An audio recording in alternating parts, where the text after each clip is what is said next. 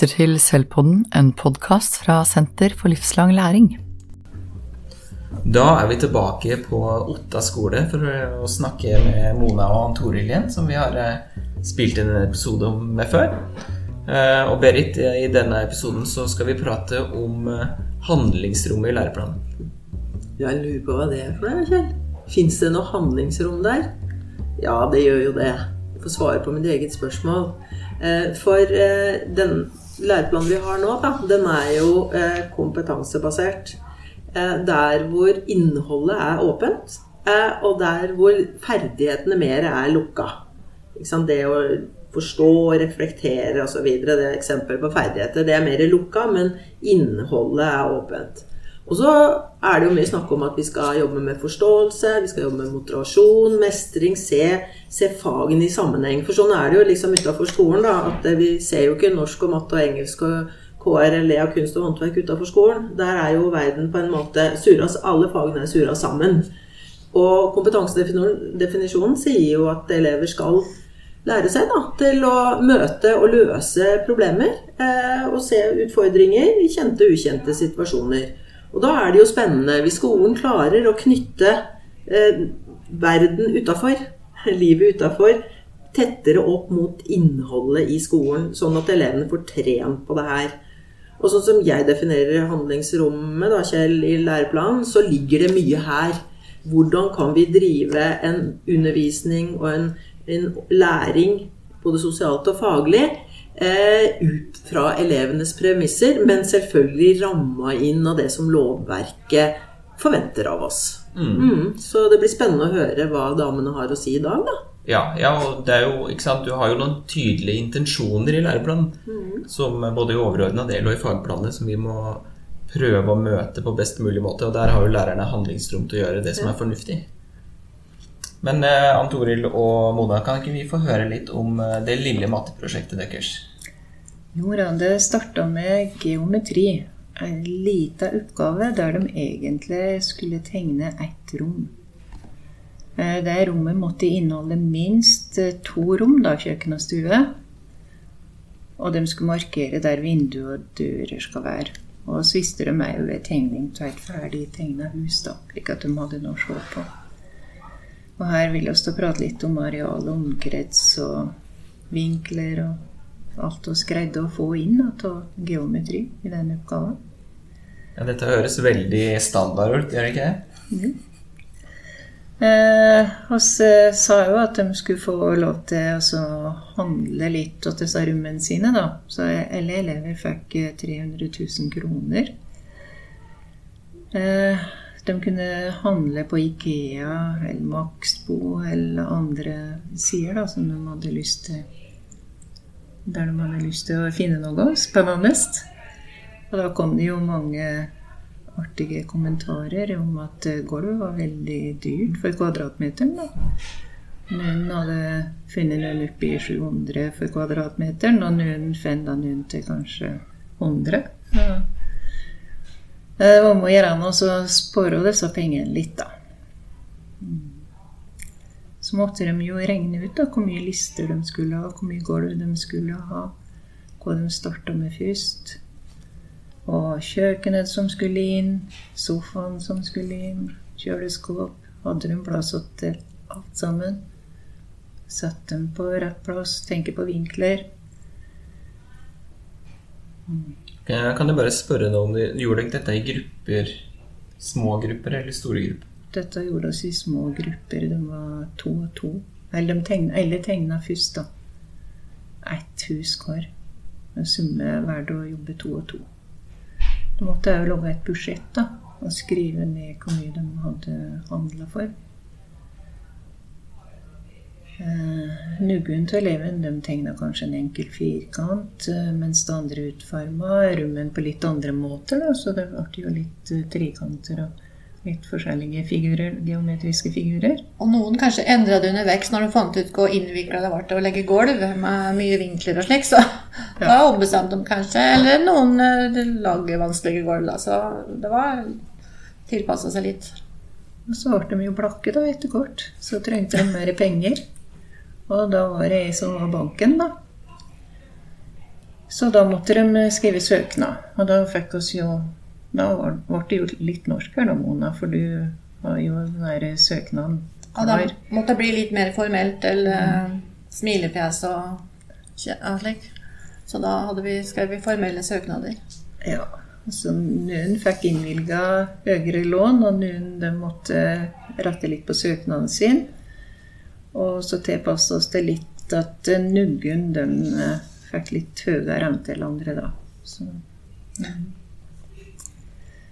Eleven de jobba veldig bra med oppgaver. Etter kort da, så kom det spørsmål om å, kunne vi logge disse her i pop. Og så bort til rektor om det var greit at vi samla inn noen pappasker, og det gjorde oss. De kjøpte oss på europris, flatpakka, så de måtte sette dem sammen sjøl. Bare det er i oppgave i seg sjøl. Eh, eleven var veldig ivrige. Altså, oss var jo på Jernia, der fikk oss slike tapetrester og gulvbeleggrester som de da brukte i husene sine kreativiteten er nå så stor at uh, Jeg vet ikke. Den bare øker nå. Ja. For det er jo ikke alle som er like kreative, egentlig, på en måte. Men noen er jo veldig kreative, og da liksom fikk de jo ideer fra andre, ikke sant? Så det smitta jo veldig. Og det er liksom elever som også har sett Ja, som driver og pusler med mye småtteri, da, for er jo, de er jo ulike. Eh, og der fikk de jo virkelig brukt altså, evnene sine til å Det var mange fine interiørarkitekter der, altså. Eh, Ja, nei, det er egentlig ikke til å tro. Nei, det er ikke til å tro kan jeg disse husene nå, altså. Til slutt da, så var det snakk om å går det an å stille ut disse husene. Så da ble det bestemt at uh, foreldremøte, der skulle eleven bli med. Så de var med og hadde utstilling, slik at uh, alle foreldrene fikk se huset de har laget da. Og dette her var jo på slutten, på slutten av sjette klasse. Så husa sto jo her i sommer, og så gjorde de liksom enda den siste finish Ja, ja. på høsten. De ble aldri ferdige. Det var hele tida 'Å, hvem vi jobbe med huset nå?' Og de kom også tidligere på skolen bare for oss å drive med huset før skolen begynte. Ja, og så jobba vi kunst- og håndverktimen til slutt. Ja. Det gjorde vi. Mm, Så her fikk dere til, eh, fra at det starta med et lite mattetema, til et eh, egentlig stort tverrfaglig prosjekt. Da. Eh, Følte dere underveis at dere mista kontrollen, eller hva tenkte dere om den prosessen der? Ja, jeg tenkte det. At det flyter jo her. Men uh, det gikk jo fint. Det gikk veldig Ja, fint, gikk for når jeg sa rydd, så rydda de.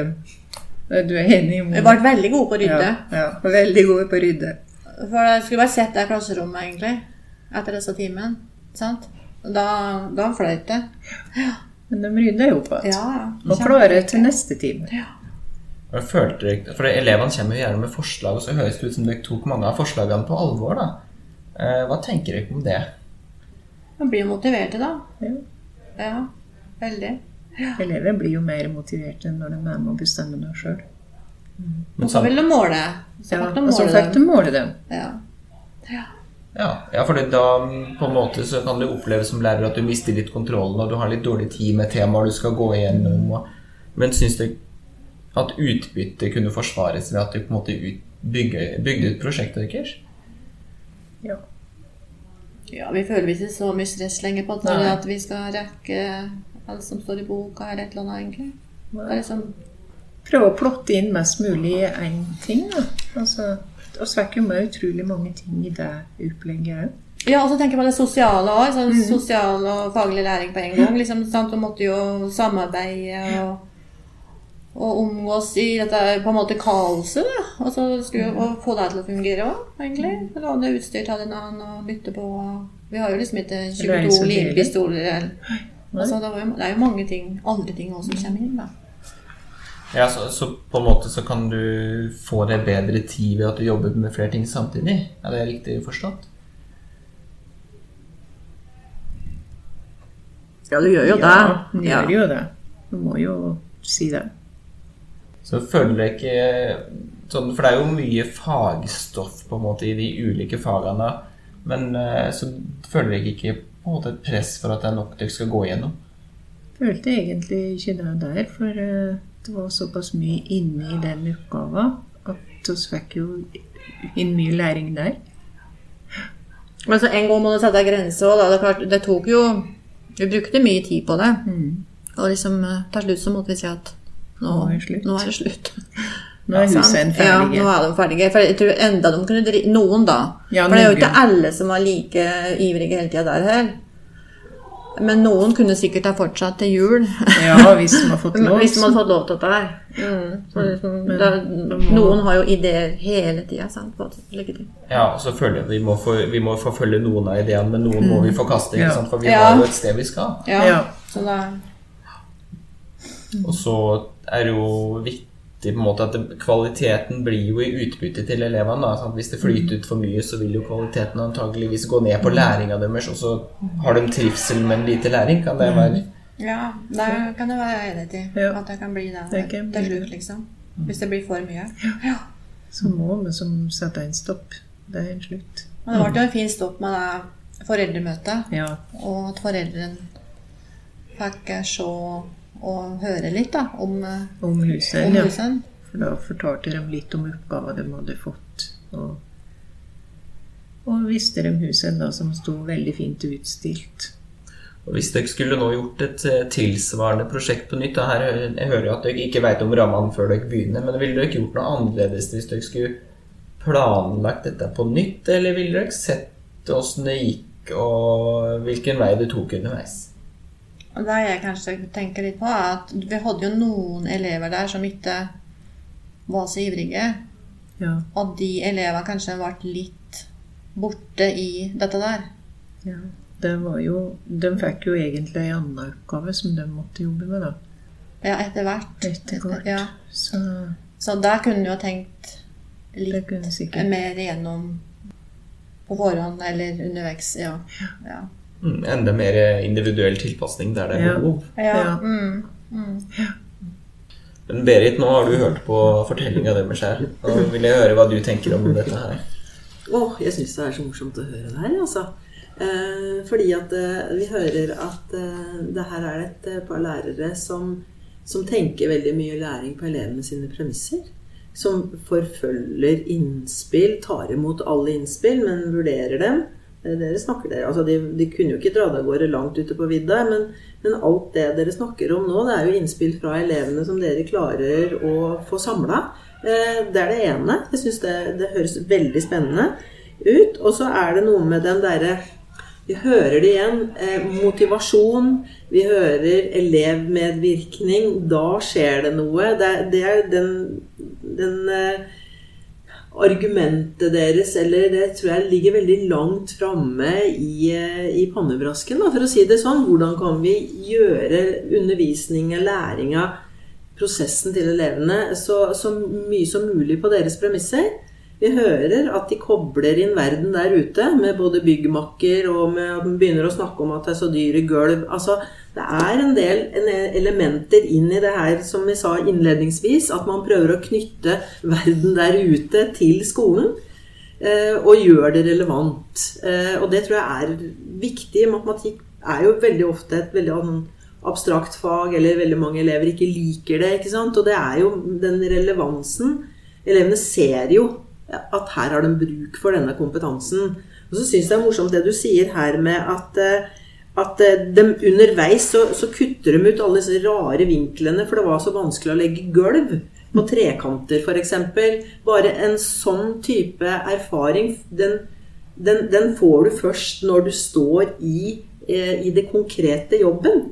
Du kan jo godt si det til dem at det er vanskelig å legge gulv som er, er trekanta, men det å erfare det sjøl, og det syns jeg blir så tydelig i denne praksisfortellinga her, da.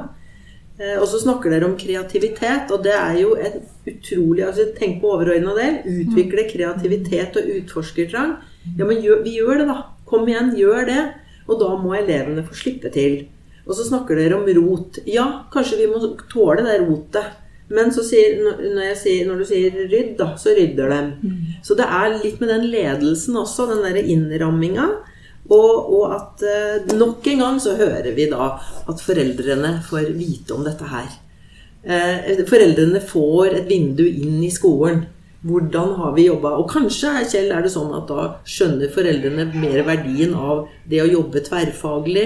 Det, hva er dybdelæring? Hva er forståelse? Gjennom sånne typer eh, møter, da, hvor, hvor, elevene får lov å være med og delta og fortelle om hvordan de utvikler kompetanse på skolen. Eh, og så sier du, snakker du noe om veldig opptatt av sosiale faglig læring. For her er det et utbytte i, i begge retninger. At ved å jobbe sammen og ikke ha 100 limpistoler, da, eller like mange limpistoler som, som elever, men at man må stelle seg i kø og låne av hverandre og være tålmodige og jobbe. Så, så, nok en gang da så tenker jeg at uh, det vi hører her, er et, et eksempel på um, at uh, det å bruke læreplanen bruke handlingsrommet. Og noen ganger så tenker jeg at det viktigste er at lærere må tenke at ikke planlegge for tett. Ikke tenk at et tema med geometri skal vare i tre uker ferdig. Kanskje et tema med geometri kan vare i tre måneder.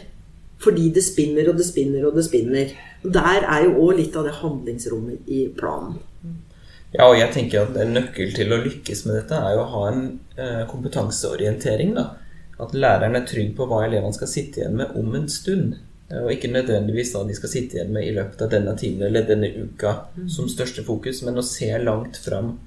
Kjenne læreplanen sin og kjenne hvor elevene skal om en stund. For da kan du tørre å slippe litt løs. For du veit hvor målet er, og du veit sånn cirka hvor veien går, samtidig som du tar hensyn til de elevene du har, og de innspillene du har, for å bygge på den motivasjonen og mestringa. Jeg syns jeg hører veldig mye det der prinsippet om å legge til rette for læring. Veldig mye det prinsippet eh, som igjen bidrar til at elevene blir aktive. For det er ikke lærerne sitt prosjekt. Det er lærerne som ramler inn, men det er elevene som får lov å være med på å drive det framover. Og, og, og da har vi den medvirkninga, elevaktiviteten, kompetanseorienteringa som vi er inne på, motivasjon og mestring. Og så er det interessant eh, også å høre Du stiller spørsmålet hva hvis du hadde gjort det en gang til?